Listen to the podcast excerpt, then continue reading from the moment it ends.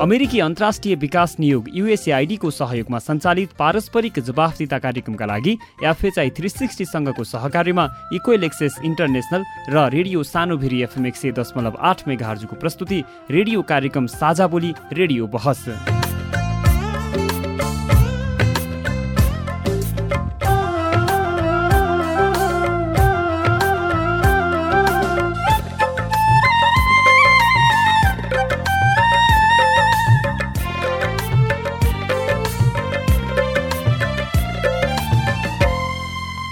नमस्कार। साझा बोली रेडियो बहसमा तपाईँलाई स्वागत छ।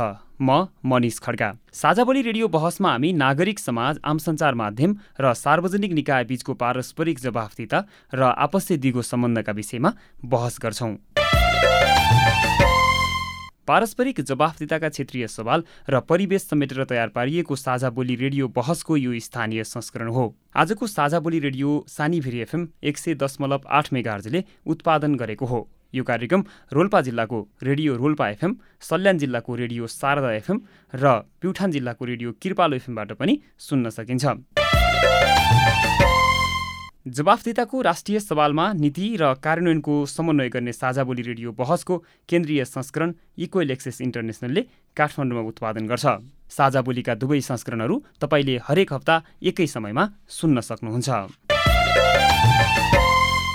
साझा बोली रेडियो बहसको यो सत्रको यो स्थानीय संस्करणको दोस्रो भाग हो। झन्डै चार वर्ष अघिदेखि प्रसारण भइरहेको साझा बोली यस वर्ष रेडियो बहसका रूपमा उत्पादन तथा प्रसारण सुरु भएको हो।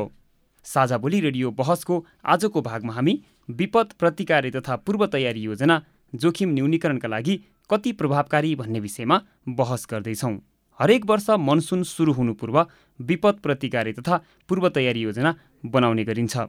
जिल्ला विपद व्यवस्थापन समितिदेखि स्थानीय विपद व्यवस्थापन समितिहरूले हरेक वर्ष मनसुन सुरु हुनुभन्दा अगाडि विपदका घटनालाई कसरी न्यूनीकरण गर्ने त्यसबाट हुने क्षतिलाई कसरी कम गर्ने सावधानी अपनाउँदा अपनाउँदै विपदका घटना भइहालेमा उद्धार राहतदेखि पुनर्स्थापनाका योजनासम्म बनाउने गर्छन्।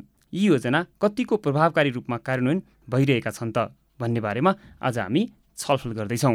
अब नागरिकले त आफ्नो जीवनको रक्षाको लागि खोलाको डिलेमा घर बनायो भने म यो बाढीबाट जोखिममा छु भन्ने कुरा सोच्नु पर्यो। समुद्र ठाउँमा घर बनायो भने म सोचिन्छु भन्ने कुरा बुझ्नु पर्यो। त्यस्तै विपद जोखिम न्यूनीकरणका लागि सरोकारवालाहरूले खेल्नुपर्ने भूमिका र अहिलेको प्रयास कति पर्याप्त छ भन्ने विषयमा सिधा प्रश्नको सिधा जवाब पनि सुन्न सक्नुहुन्छ। अब दुःख त चोर अब अर्काको घरमा बस्नुपर्छ। घर छैन अर्काको घरमा बसिरहेको छ अहिले। सोह्र सालदेखि अहिलेसम्म अर्कै घरमा बसिरहेको साथै विपदबाट बस्न नागरिकहरू आफै पनि के कुरामा सचेत हुन जरुरी छ भन्ने बारेमा पनि चर्चा गर्नेछौँ। पक्कै पनि विपदका घटना सकेसम्म कमी ल्याउने र अब भएका घटनाहरूको चाहिँ तत्काल उद्धार गर्ने र पीडितहरूलाई तत्काल राहत उपलब्ध गराउने कुरामा चाहिँ हामी संवेदनशील छौँ। यसको लागि म पुनः रूपमा प्रतिबद्ध छु। साझा बोली रेडियो बहस अमेरिकी अन्तर्राष्ट्रिय विकास नियोग युएसएआईडी मार्फत अमेरिकी जनताहरूको सहयोगका कारण सम्भव भएको हो। यस कार्यक्रमभित्रका विषयवस्तु र सामग्री पारस्परिक जवाबदेहिता कार्यक्रमका एकल जिम्मेवारी हुन्। र यहाँ प्रस्तुत भनाइले युएसएआईडी वा अमेरिकी सरकारको विचार प्रतिबिम्बित गर्छन् भन्ने जरुरी छैन। रेडियो कार्यक्रम साझा बोलीमा तपाईँलाई फेरि स्वागत छ। विपद प्रतिकारी तथा पूर्व तयारी योजना जोखिम न्यूनीकरणका लागि कति प्रभावकारी भन्ने विषयमा कुराकानीका लागि यतिखेर कार्यक्रममा उपस्थित भइसक्नु भएको छ। जिल्ला विपद व्यवस्थापन समितिका अध्यक्ष एवं रुकुम पश्चिमका प्रमुख जिल्ला अधिकारी बद्रीनाथ गैरे र लामो समयदेखि विपद व्यवस्थापनका क्षेत्रमा सक्रिय शिवराम खत्री। यहाँहरू दुवैजनालाई म कार्यक्रममा स्वागत गर्न चाहन्छु। स्वागत छ। धन्यवाद। धन्यवाद। बाढी पहिरो डुबान लगायत विपदबाट बस्ने र यस्ता विपदबाट पीडित भएका नागरिकहरूलाई कस्तो राहत दिने उनीहरूको पुनर्स्थापना कसरी गर्ने भनेर हरेक वर्ष जिल्ला विपद व्यवस्थापन समितिले विपद प्रतिकार र पूर्व तयारी योजना निर्माण गर्ने गर्छन्। के विपद प्रभावित नागरिकहरूले राहतको महसुस गर्न सकेका होलान् त? सुरुमा केही विपद प्रभावितहरूको कुरा सुनौ। त्यसपछि छलफल सुरु गरौँला। आज खरो छलफल हुनेछ। कान थापेर सुन्नुहोला है। मेरो नाम चाहिँ सुनिल पाण्डे हो। स्कुल नरपालीको साथ खेतङ अनि। तपाईँको त्यतिखेर त अब सबै त अब मोटामोटी त धेरै क्षति भयो लगभग दस बाह्र लाख बराबरको। छ कोठे घर हो अब बालदारी सालदारी ग्रिल हालेको। घर बोकिसकेपछि त अब प्लास्टिक हालेर अब जेउस नखाइ नलाई अब जेउस तत्कालै त अब सबै राहत पनि भएन। अन्त पछि अब गोडा अध्यक्षले एक दुई कट्ठा चामल अनि अन्त अलिअलि प्रशासनले कति दस हजार प्रशासन नगरपालिकाले अनि अब त्यो आठ दस दिनपछि घर भत्काइदियो अब त्यही लिएर अलिअलि सामान्य पत्र लत्तो ल्याइन गुजारा चलेको र राज्यले अब तत्कालै त अब अलिअलि सामान्य हेरेकै हो। अब दुई चार हजार रुपियाँ अलिअलि वडाले पनि एक कट्ठा चामल दियो त्यही पनि अब अलिअलि एकन दुधन गिलास पकाएर खाइयो। अब समस्या त साह्रै नै भयो नि। तर असारमा घर भत्किएको अब अठहत्तर असार लागिसक्यो त्यही पनि सबै भुक्तानी कहिले हो पाउने अनि आउने अब चार लाख भन्ने कुरो छ आउने कति हो सबै यताउता कटाएर आउँछ होला। ढिलो हुँदाखेरि पिडा त अब धेरै भइहाल्छ नि बाहिरतिर त्यत्तिकै गोठमा बस्नु र अनि घरमा बस्नुमा त धेरै फरक हुन्छ नि हजुर। मेरो नाम रुपलाल सर घर रुकुम चौधारी नगरपालिका बाह्र सानो अब दुःख त छ अब अर्काको घरमा बस्नुपर्छ घर छैन पहिले बाहिरतिर गयो घर ढलिसकेपछि बाहिरतिर गयो अर्काको घरमा बसिरहेको छ अहिले। अब सोह्र सालदेखि अहिलेसम्म अर्कै घरमा बसिरहेको नै घर बनाएको छैन सर राहत त अब के अरू केही पाइएको छैन सर यही के अरे घरको घर दिने भन्ने के अरे पर्या छ अरे भन्ने कुरामा चाहिँ अब काम चालु गर भन्दै हुनुहुन्छ र सरहरूले। पैसा अब त्यति छैन। सजिलो त अब बस्ने बास हुनु पर्छ सर सबभन्दा। श्री साहब हामीले घरबारविहीन भएका दुईजना विपद प्रभावितको कुरा सुन्यौँ। अब यो कुरा सुन्दाखेरि उहाँहरूले राहत पाउनमा ढिलाइ भयो भनेर गुनासो गर्नुभएको छ। यस्तो किन भयो?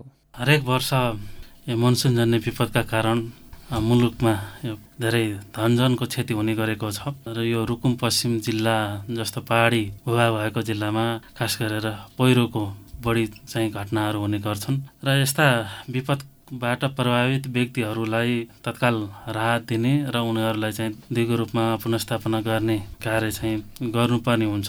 त्यसको लागि हुँदै नभएको होइन कामहरू भइरहेका छन् र अब तिन तहका सरकारहरूले छुट्टा छुट्टै राहतका मापदण्डहरू बनाएर लागू गरेको अवस्था पनि छ। तर पनि मान्छेहरूले पीडितहरूले चाहिँ हामीले केही पनि पाएनौँ कसैले पनि हेरेनन् भन्ने कुरा बढी सुनिन्छ। अब त्यस्तो हाम्रो सम्पर्कमा आएका व्यक्तिहरूलाई हामीले घटना प्रकृति अनुसार चाहिँ नेपाल सरकारले तोकेको मापदण्ड बमोजिम चाहिँ राहत उपलब्ध गराउने गरेका छौँ। यो राहत वितरणको प्रक्रिया चाहिँ के छ हजुरले अलिकति सुरुवात गर्नुभयो। यसबारे पनि जानकारी गराउनुहोस्। केही मान्छेहरूलाई यो प्रक्रियाको बारेमा थाहा नभएर पनि कसरी चाहिँ माग गर्ने माग गरेका कुराहरू चाहिँ कसरी आइरहेका छन् भन्ने कुरा पनि थाहा नहुनसक्छ पक्कै पनि हो विपदका घटना घट्छ त्यस पछाडि चाहिँ राज्यबाट केही सुविधा पाइन्छ राहत पाइन्छ भन्ने विषयमा नागरिकहरू जानकार नभएको कारणले पनि राहत लिन नआएको अवस्था देखिन्छ।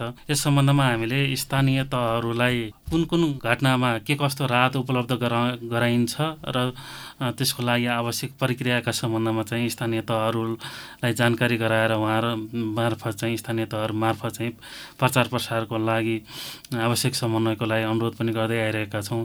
अहिले राहतको सन्दर्भमा कुरा गर्दा विपद खोज उद्धार तथा राहत मापदण्ड दुई हजार सतहत्तर छ नेपाल सरकारको मापदण्ड। त्यस बमोजिम चाहिँ विपदका घटनाबाट आवास अथवा चाहिँ खाद्यान्न तत्काल गुजारा गर्ने खाद्यान्नहरू चाहिँ नष्ट भएका परिवारको लागि चाहिँ पाँचजनासम्म सदस्य भएको परिवारको लागि प्रति परिवार पन्ध्र हजार र पाँचजनाभन्दा बढी परि परिवार सदस्य भएको परिवारको लागि चाहिँ प्रति परिवार बिस हजार चाहिँ तत्काल राहत स्वरूप चाहिँ उपलब्ध गराउने व्यवस्था छ मापदण्डमा। त्यसै गरेर आवास पूर्ण रूपमा क्षति भएका हकमा चाहिँ आवास व्यवस्थापनको लागि मनसुन जन्ने विपदको हकमा चाहिँ एउटा कार्यविधि छ। भर्खर यो पहिलो पटक लागू भएको कार्यविधि छ मनसुन जन्ने विपदबाट क्षति भएका निजी आवास पुनः निर्माण कार्यविधि दुई हजार सतहत्तर भन्ने छ। त्यस बमोजिम चाहिँ पहाडी जिल्लाको हकमा चार लाख रुपियाँसम्म चाहिँ आवास निर्माणको लागि अनुदान दिने व्यवस्था छ। यहीँनिर घरै भत्केकाहरू घरै नभएका मान्छेहरूले अलिक बढी चाहिँ गुनासो गर्ने गरेको जस्तो देखिन्छ। जस्तो सामान्य प्रकृतिको चाहिँ क्षति भएकोहरूलाई त यहाँले भने जस्तो खाद्यान्न राहत उपलब्ध गराउने गरेका छौँ भनेर भन्नुहुन्छ। र घरै बगेकाहरू घरै भत्किएकाहरू घरमै क्षति भएकाहरूले चाहिँ अलिक बढी गुनासो गरिराखेको जस्तो पाइन्छ त्यो सुनिन्छ। र यसको लागि चाहिँ ठ्याक्कै घर बनाउने नै गरी सहयोग गरिन्छ कि अथवा के छ व्यवस्थामा? यसको लागि अब स्थानीय विपद व्यवस्थापन समितिबाट सिफारिस भएर आउनुपर्छ। स्थलगत रूपमा प्राविधिकले सर्वेक्षण गरेर दिएको रिपोर्टको आधारमा स्थानीय विपद व्यवस्थापन समितिले सिफारिस गरेर पठाइसकेपछि हामी जिल्ला विपद व्यवस्थापन समितिले त्यसको पुनः मूल्याङ्कन गरेर लाभग्राही कायम गर्ने र त्यस पछाडि चाहिँ अब त्यो मापदण्ड अन्तर्गत परेको लाभग्राहीको हकमा चार लाख रुपियाँसम्म घर बनाउनको लागि चाहिँ अनुदान दिने व्यवस्था छ। यो तिन किस्तामा पहिलो चाहिँ सम्झौता हुने बित्तिकै पचास हजार त्यस पछाडि चाहिँ घर निर्माण गरेर प्लिन्थ लेभलसम्म निर्माण सम्पन्न भएको प्राविधिकको रिपोर्टको आधारमा दुई लाख रुपियाँ र निर्माण सम्पन्न भइसके पछाडि चाहिँ अन्तिम किस्ता स्वरूप डेढ लाख रुपियाँ चाहिँ अनुदान दिने व्यवस्था रहेको छ। पक्कै पनि यो गत वर्ष मनसुनजनी विपदबाट क्षति भएका व्यक्तिहरूको आवास निर्माणको काम चाहिँ अलिकति ढिलो भयो किनकि यो कार्यविधि समयमा आएन। कार्यविधि ढिलो आएको हुँदाखेरि हामी समयमा अगाडि बढ्न सकेनौँ। तर यो जिल्लामा चाहिँ गत वर्ष क्षति भएका घरहरूको चाहिँ स्थानीय विपद व्यवस्थापन समितिबाट सिफारिस भएर आएका र जिल्ला विपद व्यवस्थापन समितिले मापदण्ड बमोजिम कायम गरेका लाभग्राहीहरूको चाहिँ निजी आवास पुनर्निर्माणको काम अगाडि बढिसकेको छ। यो वर्ष घर पूर्ण रूपमा भत्किएका मानिसहरूले चाहिँ घर पाउँदैछन्। पूर्ण रूपमा भत्किएका तर उनीहरूको अन्यत्र बसोबास नभएको तर अरूको अन्यत्र बसोबास भएका व्यक्तिहरू चाहिँ त मापदण्ड बमोजिम चाहिँ भनेको मापदण्ड अनुसार एउटै घर भएका त्यो घर चाहिँ बाढी पहिरो अथवा डुबानका कारणले भत्किएको पूर्ण रूपमा क्षति भयो भने त्यस्ता मान्छेहरूले नयाँ घरको लागि अनुदान पाउने व्यवस्था छ। पूर्ण रूपमा क्षति भएकाको चाहिँ नयाँ निर्माणको लागि र सामान्य क्षति भएको लागि मर्म सम्मारको लागि पचास हजार रुपियाँसम्म दिने व्यवस्था पनि हजुर। हामीसँग शिवराम खत्री हुनुहुन्छ।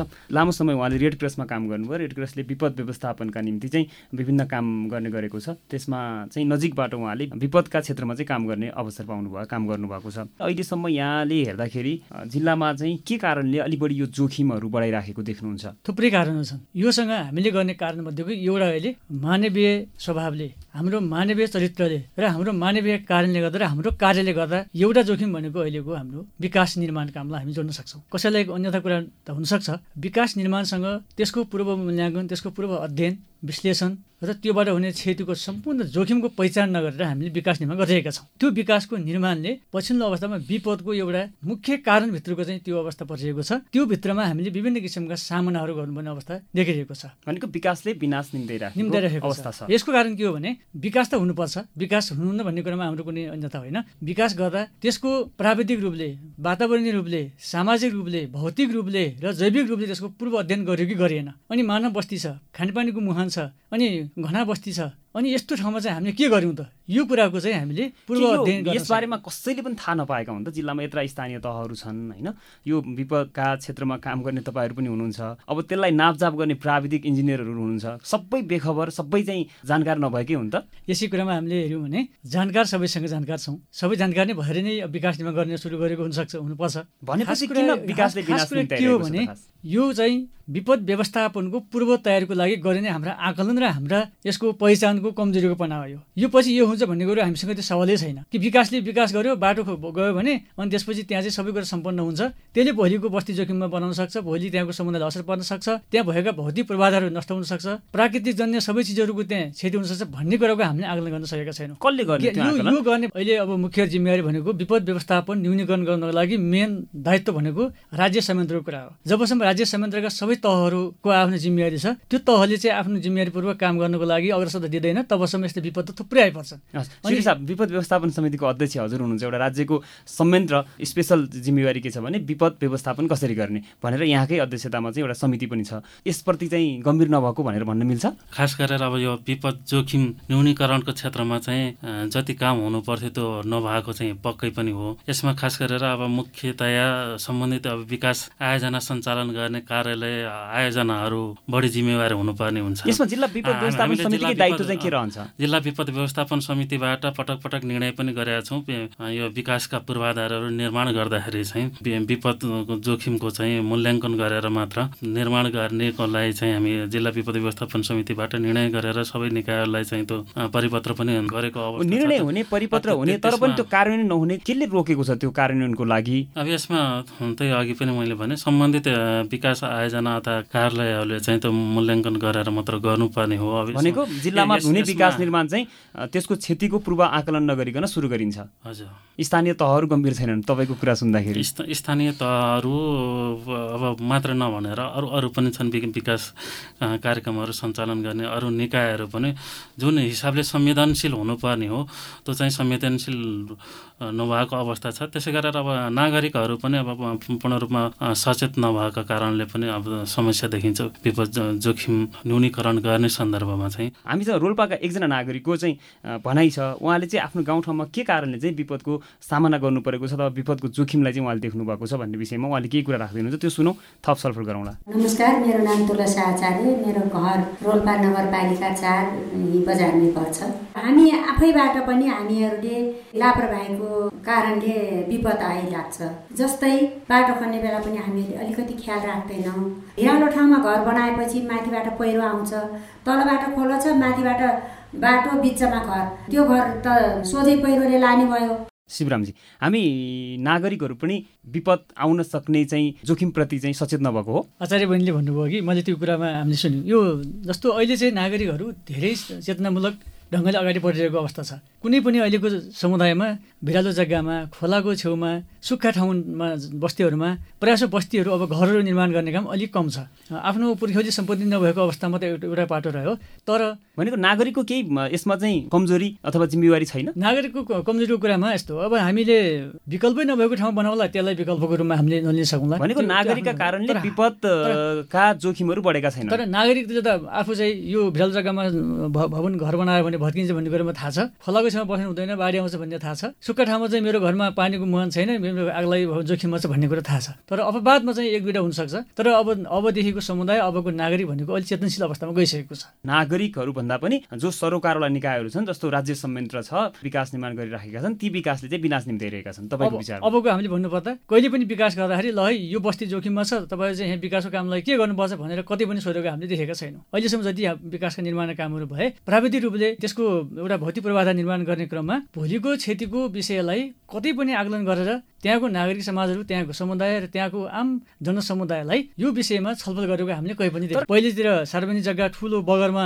अनि खोलोको कतिर थियो त्यो त्यो खोलाको बगरले चाहिँ बस्तीको एउटा तटबन्धनको काम गरेको थियो। तर त्यहाँ चाहिँ अहिले हामीले स्क्याबरै प्रयोग गऱ्यौँ मेसिन प्रयोग गऱ्यौँ र त्यहाँको प्राकृतिक जन्ने जो बनावट त्यो उथल पुथल भइदियो। अनि खोला कहाँ जान्छ पानी कहाँ जाने? त्यसपछि उसले आफ्नो चाहिँ बाटो ओपन गर्दै जान्छ अनि त्यसपछि त्यहाँ भएका अन्य समाजमा क्षति पुग्छ अरू पूर्वाधारहरूमा क्षति पुग्छ अनि कुनै आम नागरिकको बस्तीमा क्षति पुग्न सक्छ र त्यसले गर्दा चाहिँ यसको लेखाजोखा गर्ने यसको पूर्ण परिपालन गर्ने र यसको संरक्षण गर्ने भनेको कसले भने अहिलेको अवस्थामा बढी शक्तिशाली भएको स्थानीय तह। उहाँले सार्वजनिक जग्गाहरूमा खोलो बगर वन बुटेनहरूमा जता नागरिकले जे गरे पनि हुन्छ त्यसलाई नियन्त्रण गर्ने काम सरकारको अनि अनि त्यसपछि अब त्यो त्यो ठाउँमा नियमन गर्ने कसले भन्दा त्यही स्थानीय तहले हो। ल है तपाईँले बगरमा चाहिँ घरमा आउनुभयो भोलि यसको तपाईँले चाहिँ क्षति पर्छ भोलि नागरिक र तपाईँ नागरिक समाजका मान्छेहरूको दायित्व रहन्न यसमा। अनि हामीले त के हो भने अब यो ठाउँमा चाहिँ हामी सजग हुनुको लागि हामी सुरक्षित कसरी भन्ने कुरा बुझ्नु पऱ्यो नि। हस् हुन्छ म तपाईँको आउँछु। श्री साहब अब यो वर्ष चाहिँ कस्ता किसिमका विपदहरू आउन सक्छन् भनेर पूर्व अनुमान पूर्व आकलन गर्नुभएको छ होला। र ती जोखिमलाई न्यूनीकरणको लागि चाहिँ के उपाय चाहिँ अपनाउनु भएको छ? हामी अहिले अब यो मनसुनको समय सुरु भइसकेको अवस्था छ वर्षातको समयमा खास गरी अब यो मनसुन जन्ने विपदहरू बाढी पहिरो डुवानका घटनाहरू नै हुनु। र यसबाट चाहिँ अब ठुला किसिमका चाहिँ अब घटनाहरू भएको खण्डमा त्यसबाट चाहिँ अन्य अब स्वास्थ्य सम्बन्धी समस्याहरू महामारी पनि फैलिन सक्ने अवस्था पनि आउन सक्छ।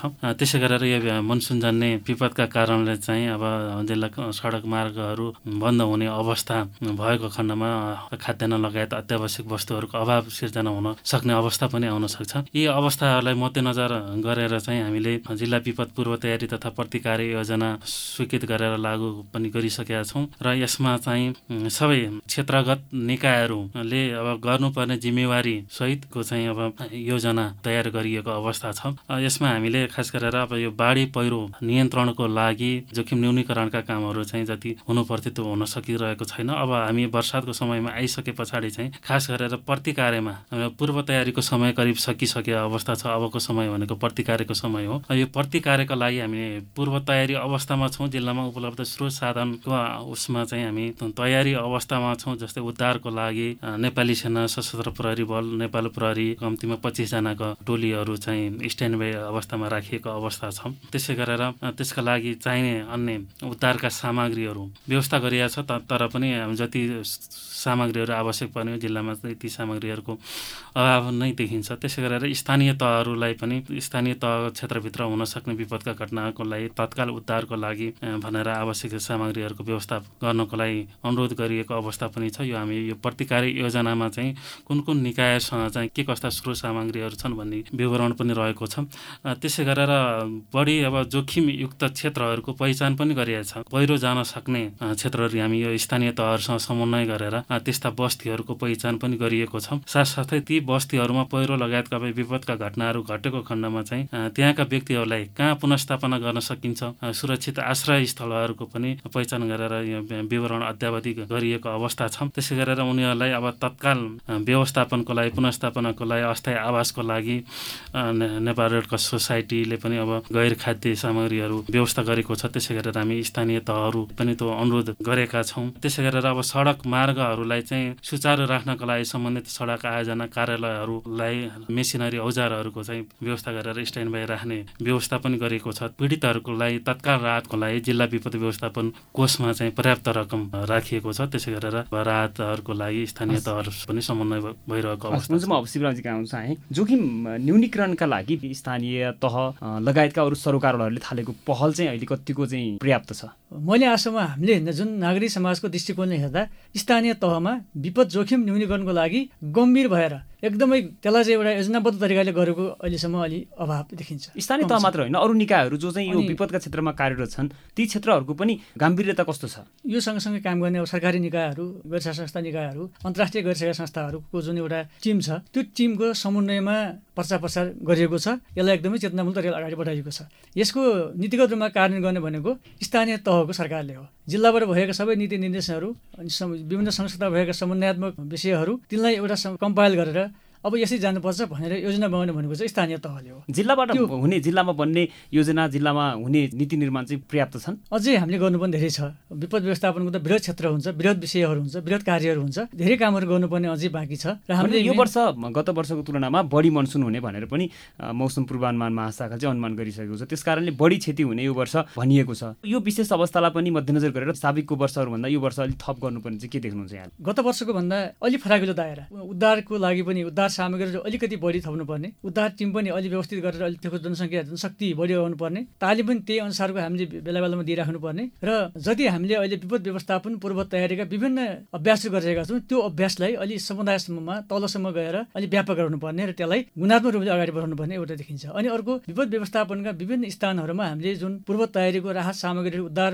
भण्डारण गर्ने गरेका छौँ त्यसलाई चाहिँ त्यसलाई सङ्ख्या बढाएर अनि हाम्रा गाउँ गाउँमा टोल टोलमा समुदायहरूमा राजमार्गको छेउका बस्तीहरूमा त्यहाँ युवा समुदायहरू युवा वर्गहरूलाई परिचालन गरेर एउटा उद्धार स्वयंसेवक दस्तावको लागि हामीले तयार गरेर परि आएको बेलामा परिचालन गर्नको लागि त्यो पनि हामीले तयार गर्नुपर्ने देखिन्छ। र अर्को कुरा पूर्व सूचना प्रणाली। गत वर्षभन्दा अहिले अति वर्षात बढी हुन्छ भन्ने कुरा हामीलाई जानकारी आइसकेको छ। गत वर्षको तुलनामा कति प्रतिशत अहिले हामीले जोखिम बेहोर्नु पर्ने छ? त्यही खालको व्यवस्थापनको पूर्व तयारी गर्नुपर्ने अवस्था देखिन्छ। हस् श्री साहब अहिले जोखिम अलिक बढी रहन सक्ने भनेर सरकारले नै सतर्क रहन आग्रह गरिरहेको छ। यस्तो अवस्थामा चाहिँ यहाँले सामान्य वर्षको तुलनामा चाहिँ यस वर्ष के थप निर्णय गर्नुभएको छ? जिल्ला स्थित सञ्चार माध्यमहरू मार्फत पनि स्थानीय वासीहरूलाई सजग बनाउनेको लागि सूचनाहरू प्रवाह गर्ने त्यसै गरेर जल तथा मौसम विज्ञान विभागबाट आउने सूचनाहरूलाई पनि नियमित रूपमा सार्वजनिक गर्ने प्रकाशन प्रसारण गर्ने व्यवस्था गरेका छौँ र अब यसको प्रतिकार्यको लागि थप स्रोत साधनहरूको व्यवस्थाको लागि हामी सम्बन्धित निकायहरूमा पहल पनि गरिरहेको अवस्था छ र जिल्लामा जति स्रोत साधन जनशक्ति उपलब्ध छ त्यसलाई चाहिँ हामी स्ट्यान्ड बाई राखेका छौँ। अब यसको लागि बढी अब घटनाहरू हुन सक्छन् भन्ने हिसाबले विगतको वर्षहरूमा भन्दा हामीले राहतका रकमहरू पनि बढी दिनुपर्ने अवस्थालाई पनि मध्यनजर गरेर जिल्ला विपद व्यवस्थापन कोषमा पनि त्यही अनुसारको पर्याप्त रकम राखिएको अवस्था छ। तपाईँ अहिले पारस्परिक जवाफदिता प्रवर्धनका लागि साझा बोली रेडियो बहस सुन्दै हुनुहुन्छ। हामी कुरा गरिरहेका छौँ विपद प्रतिकारी तथा पूर्व तयारी योजना जोखिम न्यूनीकरणका लागि कति प्रभावकारी भन्ने विषयमा।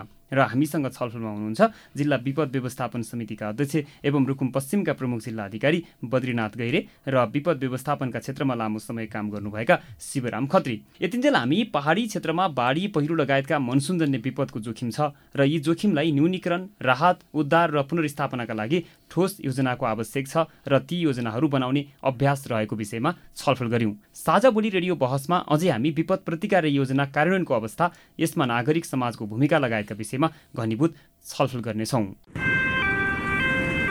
विपत्ति बाजा बजाएर आउँदैन। गर्मीमा आगलागी डढेलो वर्षामा बाढी पहिरो भूकम्प कोरोना र अरू पनि। साँच्ची विपदबाट तपाईँ हाम्रो गाउँघर कति सुरक्षित छ? तपाईँको पालिकाले विपद पूर्व तयारी के कति गरेको छ? विपद आइहालेमा उद्धार र प्रतिकार्यको लागि तपाईँको समुदाय तयार छ त? विपद बारेमा तपाईँका यस्तै प्रश्न प्रतिक्रिया टिप्पणी वा गुनासा छन् भने हामीसँग बाँड्नुहोस्। छलफल गरौँ समस्याको हल खोजौँ प्रश्नको जवाफ मागौँ।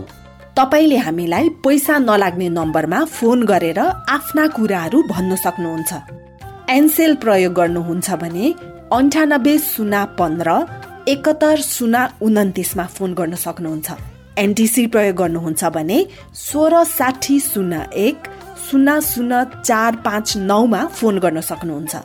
अथवा Boli Sajha at the rate Gmail dot com BOLI SAJHA at the rate Gmail dot कममा इमेल गरेर वा मेरो रिपोर्ट र साझा बोलीको फेसबुक युट्युब ट्विटर टिकटक पोस्टहरूमा सेयर लाइक वा कमेन्ट गरेर पनि आफ्ना कुराहरू भन्नु सक्नुहुन्छ।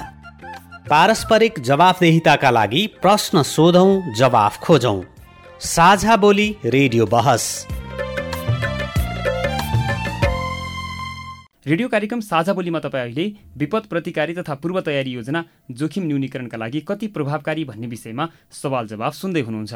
बहसमा अतिथि हुनुहुन्छ जिल्ला विपद व्यवस्थापन समितिका अध्यक्ष एवं रुकुम पश्चिमका प्रमुख जिल्ला अधिकारी बद्रीनाथ गैरे र विपद व्यवस्थापनका क्षेत्रमा लामो समयदेखि सक्रिय शिवराम खत्री। यसअघि हामीले विपद न्यूनीकरण राहत उद्धार र पुनर्स्थापनाका लागि ठोस योजनाको आवश्यकता छ र ती योजनाहरू जिल्ला तथा स्थानीय स्तरमा बनाउने अभ्यास रहेको विषयमा छलफल गऱ्यौँ तर अझै पनि यसरी निर्माण गरिएका योजना कार्यान्वयनको अवस्था र यसमा नागरिक समाजको भूमिकाका विषयमा भने छलफल गर्न बाँकी नै छ। अब म फेरि छलफल अगाडि बढाउन चाहन्छु। म सिरियो साहबकमै जान चाहन्छु। विपद प्रतिकारी योजना विपदलाई आउनै नदिनका लागि हो कि? आएपछि केही गेडा चामल लगायतका केही अन्य खाद्य सामग्री वितरणका लागि हो? अब यो विपदका घटना घट्न सक्छ भन्ने हिसाबले त्यसको लागि प्रतिकार्यको लागि आवश्यक पर्ने पूर्व तयारी अब जनशक्ति व्यवस्थापन उद्धारका टोलीहरूको व्यवस्थापन राहतका लागि आवश्यक पर्ने सामग्रीहरूको व्यवस्थापन त्यसै गरेर अत्यावश्यक वस्तुहरूको व्यवस्थापन अनि सम्बन्धित निकायहरूसँग सरकारवाला निकायहरूसँग समन्वय गर्ने लगायतका कुराहरू चाहिँ पूर्व तयारीको अवस्थामा पर्छन् भने प्रतिकार्यमा चाहिँ घटना घटिसके पछाडि त्यसको कसरी तत्काल रेस्पोन्स गर्ने तत्काल राहत र अनि पुनस्थापना गर्नुपर्ने व्यक्तिहरूलाई पुनस्थापना गर्ने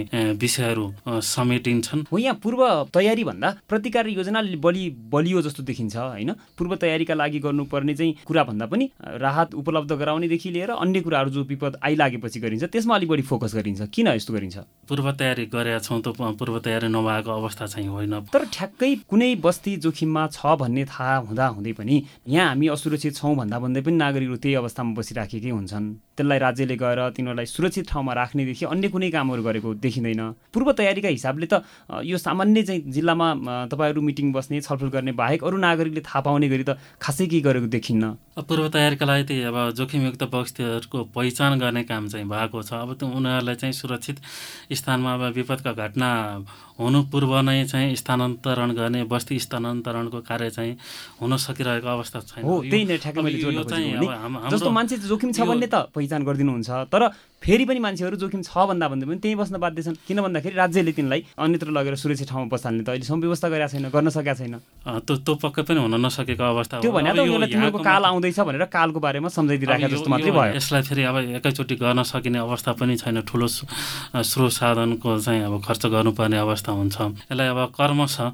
अब यसमा मुख्यतया अब स्थानीय तहले चाहिँ यो नेतृत्वदायी भूमिका निर्वाह गर्नुपर्ने हुन्छ। जिल्ला विपद व्यवस्थापन समितिले हरेक वर्ष चाहिँ केही बस्तीहरूलाई जोखिमयुक्त बस्ती भनेर चाहिँ वर्गीकरण गर्ने गरेको छ। त्यो चाहिँ के का आधारमा गर्नुहुन्छ यहाँहरूले? अब हामीले स्थानीय तहबाट सिफारिस भएर आएको आधारमा नै गर्ने जिल्ला विपद व्यवस्थापन समितिसँग त्यस्तो कुनै संयन्त्र छैन जसले चाहिँ विपदका हिसाबले कुन बस्ती कति जोखिम छन् भनेर थाहा पाउनको लागि। पक्कै पनि जिल्ला विपद व्यवस्थापनसित समितिसित त्यस्तो प्राविधिक संयन्त्र छैन। यो खासमा अब मान्छेहरूलाई चाहिँ तिमीहरू विपदको जोखिममा छौ विपदबाट तिमीहरू सुरक्षित रहौ भन्नु बाहेक त सरकारी पक्षसँग स्थानीय तहसँग जिल्ला प्रशासन कार्यालयसँग अरू केही संयन्त्र रहेन त्यसो भए? हामीले जानकारी गराउने अब विपदका घटना तत्काल हुन सक्ने अवस्था भयो भने र सुरक्षा निकायहरू त्यसै गरेर स्थानीय तह लगायत सरकार निकायहरूलाई तत्काल परिचालन गरेर तत्काल घटना हुनु पूर्व नै चाहिँ सुरक्षित स्थानमा चाहिँ केही समयको लागि अस्थायी रूपमा चाहिँ स्थानान्तरण गर्ने काम हुन्छ। नागरिकहरूले चाहिँ के कुरा राख्नु भएको छ त्यो कुरा सुन्छौँ त्यसपछि हामी फेरि छलफललाई अगाडि बढाउनेछौँ।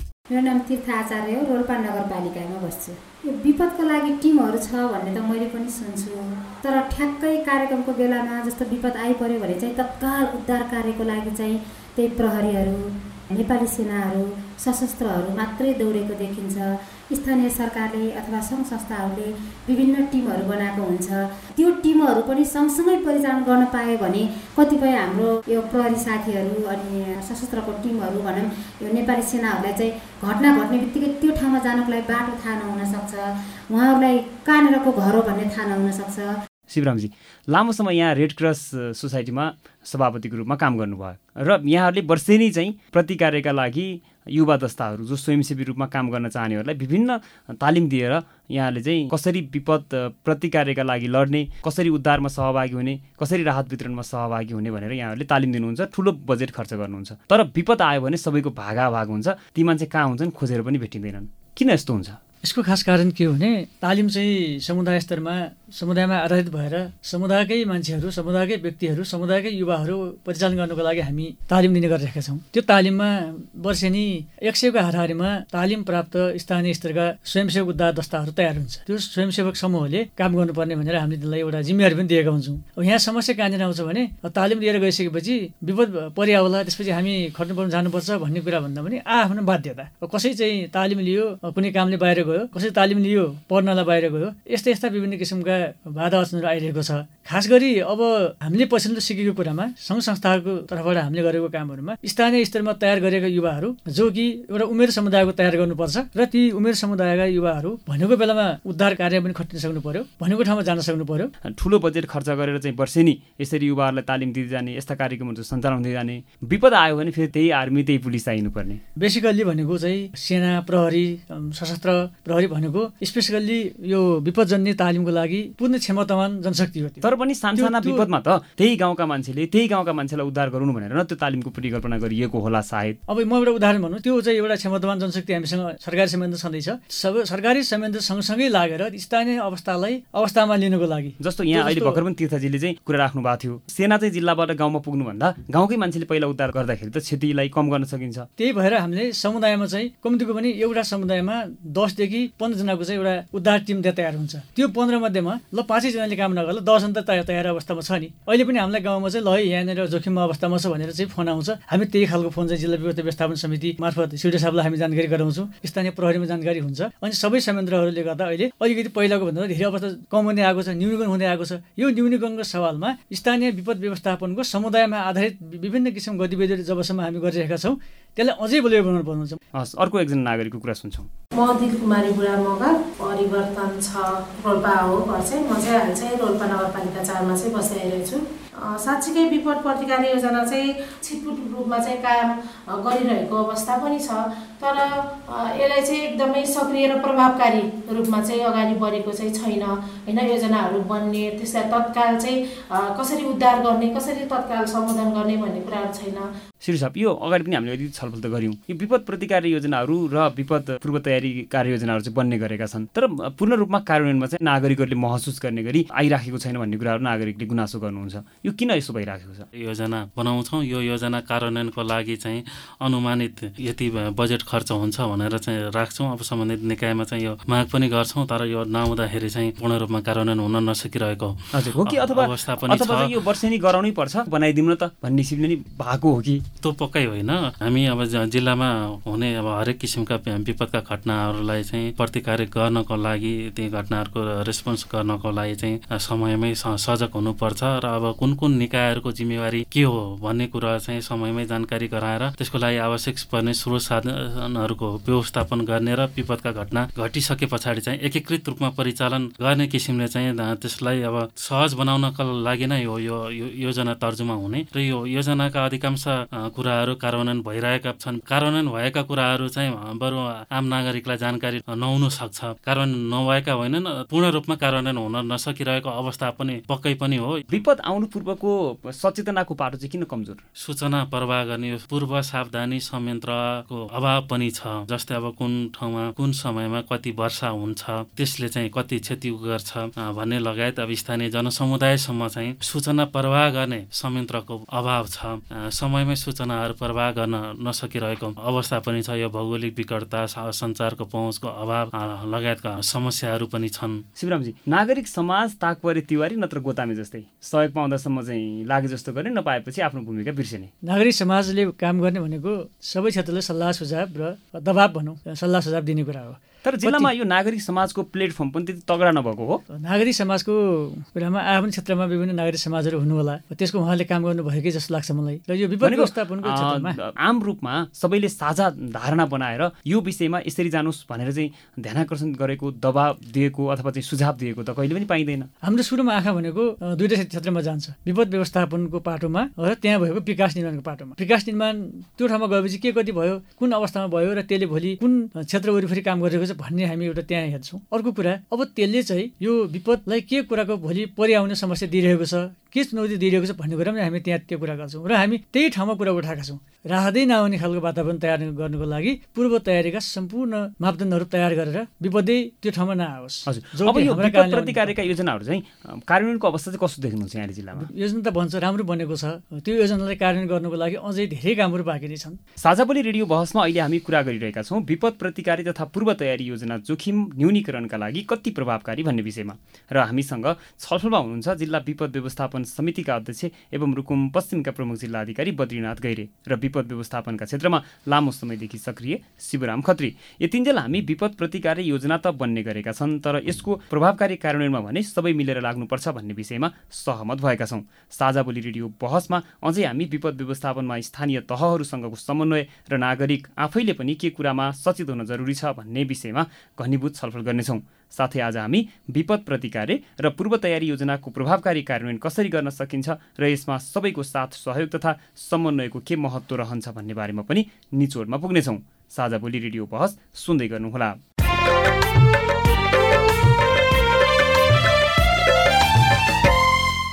तपाईँ अहिले पारस्परिक जवाफदिता प्रवर्धनका लागि साझा बोली रेडियो बहस सुन्दै हुनुहुन्छ। आज हामी विपद प्रतिकारी तथा पूर्व तयारी योजना जोखिम न्यूनीकरणका लागि कति प्रभावकारी भन्ने विषयमा छलफल गरिरहेका छौँ। बहसमा अतिथि हुनुहुन्छ। जिल्ला विपद व्यवस्थापन समितिका अध्यक्ष एवं रुकुम पश्चिमका प्रमुख जिल्ला अधिकारी बद्रीनाथ गैरे र विपद व्यवस्थापनका क्षेत्रमा लामो समयदेखि सक्रिय शिवराम खत्री। यसअघि हामीले विपद प्रतिकार योजना कार्यान्वयनको अवस्था र यसमा नागरिक समाजको भूमिकाका विषयमा छलफल गऱ्यौँ। म अब छलफललाई थप अगाडि बढाउन चाहन्छु। जिल्ला स्तरमा हजुरको अध्यक्षतामा जिल्ला विपद व्यवस्थापन समिति छ। स्थानीय स्तरमा प्रमुख अथवा अध्यक्षको संयोजकत्वमा स्थानीय विपद व्यवस्थापन समिति छ। यी दुईवटा समितिको बिचको समन्वय चाहिँ कस्तो हुन्छ र कसरी हुन्छ?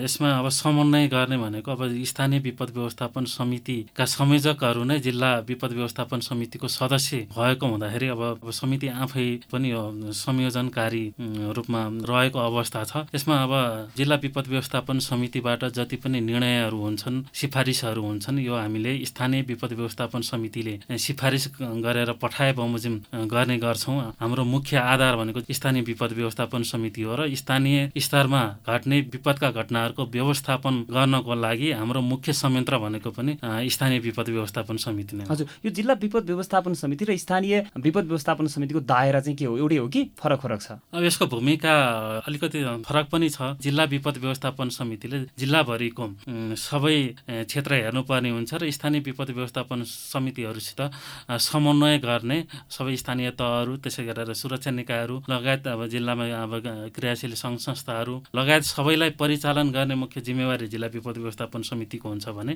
ती संयन्त्रहरूलाई चाहिँ आफ्नो पालिका अन्तर्गत परिचालन गर्ने र जिल्ला विपद व्यवस्थापन समितिसित समन्वय गर्ने कतिपय अवस्थामा?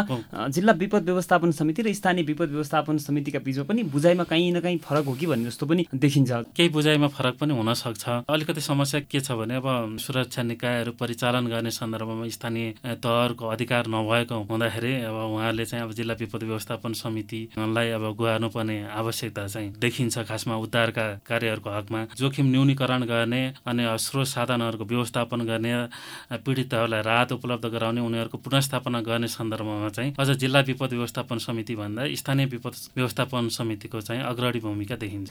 शिवरामजी नागरिकहरूको चाहिँ दायित्व के रहन्छ अब विपदबाट जोगिनका लागि विपदको जोखिमलाई कम गर्नको लागि क्षति कम हुन दिनको लागि? अब नागरिकले त आफ्नो जीवनको रक्षाको लागि अब विपदबाट कसरी म सुरक्षित रहन सक्छु भन्नको लागि सबभन्दा पहिले सोच्नु पर्यो। खोलाको डिलेमा घर बनायो भने म यो बाढीबाट जोखिममा छु भन्ने कुरा सोच्नु पऱ्यो त्यता घर नबनायो भने मैले अलिकति राम्रो ठाउँमा घर बनाएँ समुद्र ठाउँमा घर बनाएँ भने म सुरक्षित छु भन्ने कुरा बुझ्नु पऱ्यो हामी त्यतातर्फ पनि हामी ध्यान दिने जरुरी छ। र त्यसको लागि हामीले बस्ती हाम्रो टोल समुदायहरूमा परिआएको बेलामा काम गर्नको लागि म यो ठाउँमा छु है र मलाई यो अप्ठ्यारो पर्न सक्छ भनेर सबै देखिने खालको एउटा आकलन तयार गर्नु हामीले नागरिकहरूलाई तपाईँ चाहिँ कतिको सचेत हुनुहुन्छ अथवा नागरिकहरू कतिको सचेत छन् भनेर केही मान्छेलाई सोधेका छौँ रोल्पामा के भन्नुहुन्छ उहाँहरूको कुरा सुनौ।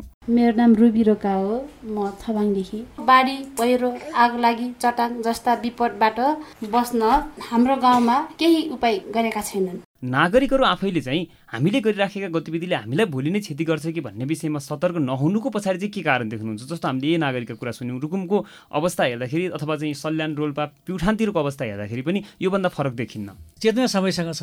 सबैले यसको चेतनै भएर नै त्यो ठाउँमा आफूलाई स्थापित गरेको अवस्था हो। तर अब त्यो ठाउँमा थप चाहिँ उहाँहरूलाई के हो भने फेरि पनि भन्नुपर्ने अब नागरिक समाजको तर्फबाट अथवा सरकारी तर्फबाट त्यहाँ गएर पटक पटक हामीले चाहिँ ल है तपाईँहरूलाई यो समस्या पर्न सक्छ भनेर एउटा चेतनाको वृद्धि गर्नुपर्ने अवस्था चाहिँ अझै पनि छ। चेतना नपुगेर चेतना नपुगेर हुनु हो होइन? अनि अर्को कुरा चेतना वृद्धि गर्नको लागि साधन चाहियो। साधन भनेको चाहिँ हामी घर घरमा गएर यो कुरा भन्नु त एउटा समस्या आउँछ। त्यति सहज पनि छैन। त्यसको लागि हामीले आम सञ्चार माध्यम विद्यालयमा पढ्ने बालबालिकाहरू त्यसपछि गएर एउटा भएका चाहिँ विभिन्न सामुदायिक संस्थाहरू मार्फत हामीले एउटा साझा दृष्टिकोणले र उहाँहरूलाई चाहिँ चेतना अभिवृद्धिको लागि हामीले गतिविधिहरू गर्नको लागि सबैलाई एउटा पहल गऱ्यौँ भने यो सम्भावना छ। र अहिले भइरहेको अवस्था पनि त्यही नै हो। श्री साहब यो नागरिकहरूले चाहिँ के कुरामा बढी ध्यान दिनुपर्छ? पहिलो त आफू बस्दै आइरहेको घर चाहिँ आफ्नो आवास चाहिँ पूर्ण रूपमा सुरक्षित छ कि छैन भन्ने कुरो चाहिँ मूल्याङ्कन गर्न सक्नु पर्यो। जोखिमयुक्त क्षेत्रमा चाहिँ आवास बनाउनु भएन। आफूले गर्ने गतिविधिहरू दैनिक क्रियाकलापहरू त्यस्ताले चाहिँ अब विपद निम्त्याउँछ कि भन्ने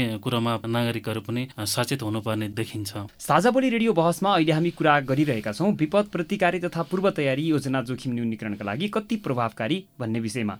र हामीसँग हुनुहुन्छ जिल्ला विपद व्यवस्थापन समितिका अध्यक्ष एवं रुकुम पश्चिमका प्रमुख जिल्ला अधिकारी बद्रीनाथ गैरे र विपद व्यवस्थापनका क्षेत्रमा लामो समयदेखि सक्रिय शिवराम खत्री। हामीले यतिन्जेल गरेको कुराकानीबाट विगतका वर्षहरूमा भन्दा यो वर्ष विपदको जोखिम अझै धेरै छ। त्यसकारण नागरिकहरूले उच्च सुरक्षा सतर्कता अपनाउनु पर्ने देखिन्छ र विपद प्रतिकार्य तथा पूर्व तयारी योजनाको प्रभावकारी कार्यान्वयन हुनुपर्छ।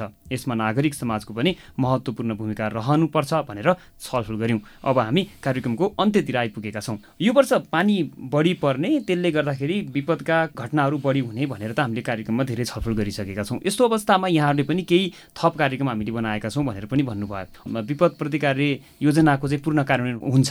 पक्कै पनि हामीले यो कार्यान्वयन गर्नको लागि सबै संयन्त्रहरूलाई जिल्ला स्थित स्थानीय तह अनि अब सरकारवाला सरकारी निकाय गैर सरकारी निकाय निजी क्षेत्र सञ्चार क्षेत्र सबैको चाहिँ भूमिका रहन्छ।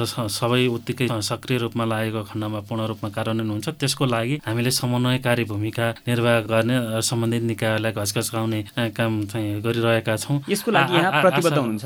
यसको लागि म पूर्ण रूपमा प्रतिबद्ध छु। स्थानीय तहसँग समन्वय हुन्छ जिल्ला विपद व्यवस्थापन समिति र स्थानीय विपद व्यवस्थापन समितिले प्रभावकारी रूपमा काम गरेर योपालि विपदका घटनाहरूमा कमी ल्याउनको निम्ति भूमिका खेल्छन्। पक्कै पनि विपदका घटना सकेसम्म कमी ल्याउने र अब भएका घटनाहरूको चाहिँ तत्काल उद्धार गर्ने र पीडितहरूलाई तत्काल राहत उपलब्ध गराउने कुरामा चाहिँ हामी संवेदनशील छौँ। शिवरामजी अब तपाईँको प्रतिबद्धता चाहिँ के रहन्छ? तपाईँले चाहिँ आफ्नो तर्फबाट के भूमिका चाहिँ खेल्नुहुन्छ?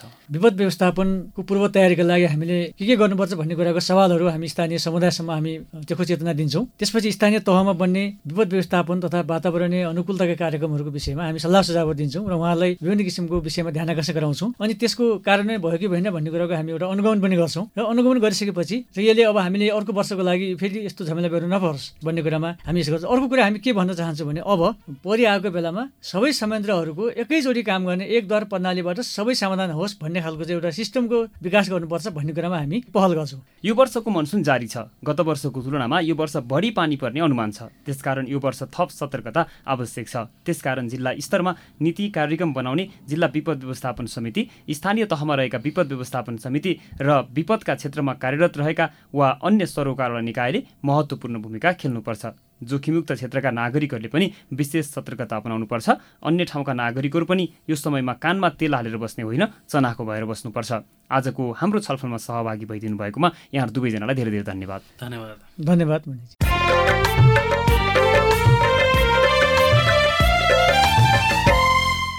हामी साझा बोली रेडियो बहसको अन्त्यमा आइपुगेका छौँ। साझा बोली रेडियो बहसबारे मनमा लागेका कुरा भन्नको लागि एनटिसीको मोबाइल अथवा ल्यान्डलाइन फोन प्रयोग गर्नुहुन्छ भने सोह्र साठी शून्य एक शून्य शून्य चार पाँच नौ नम्बरमा फोन गर्न सक्नुहुन्छ।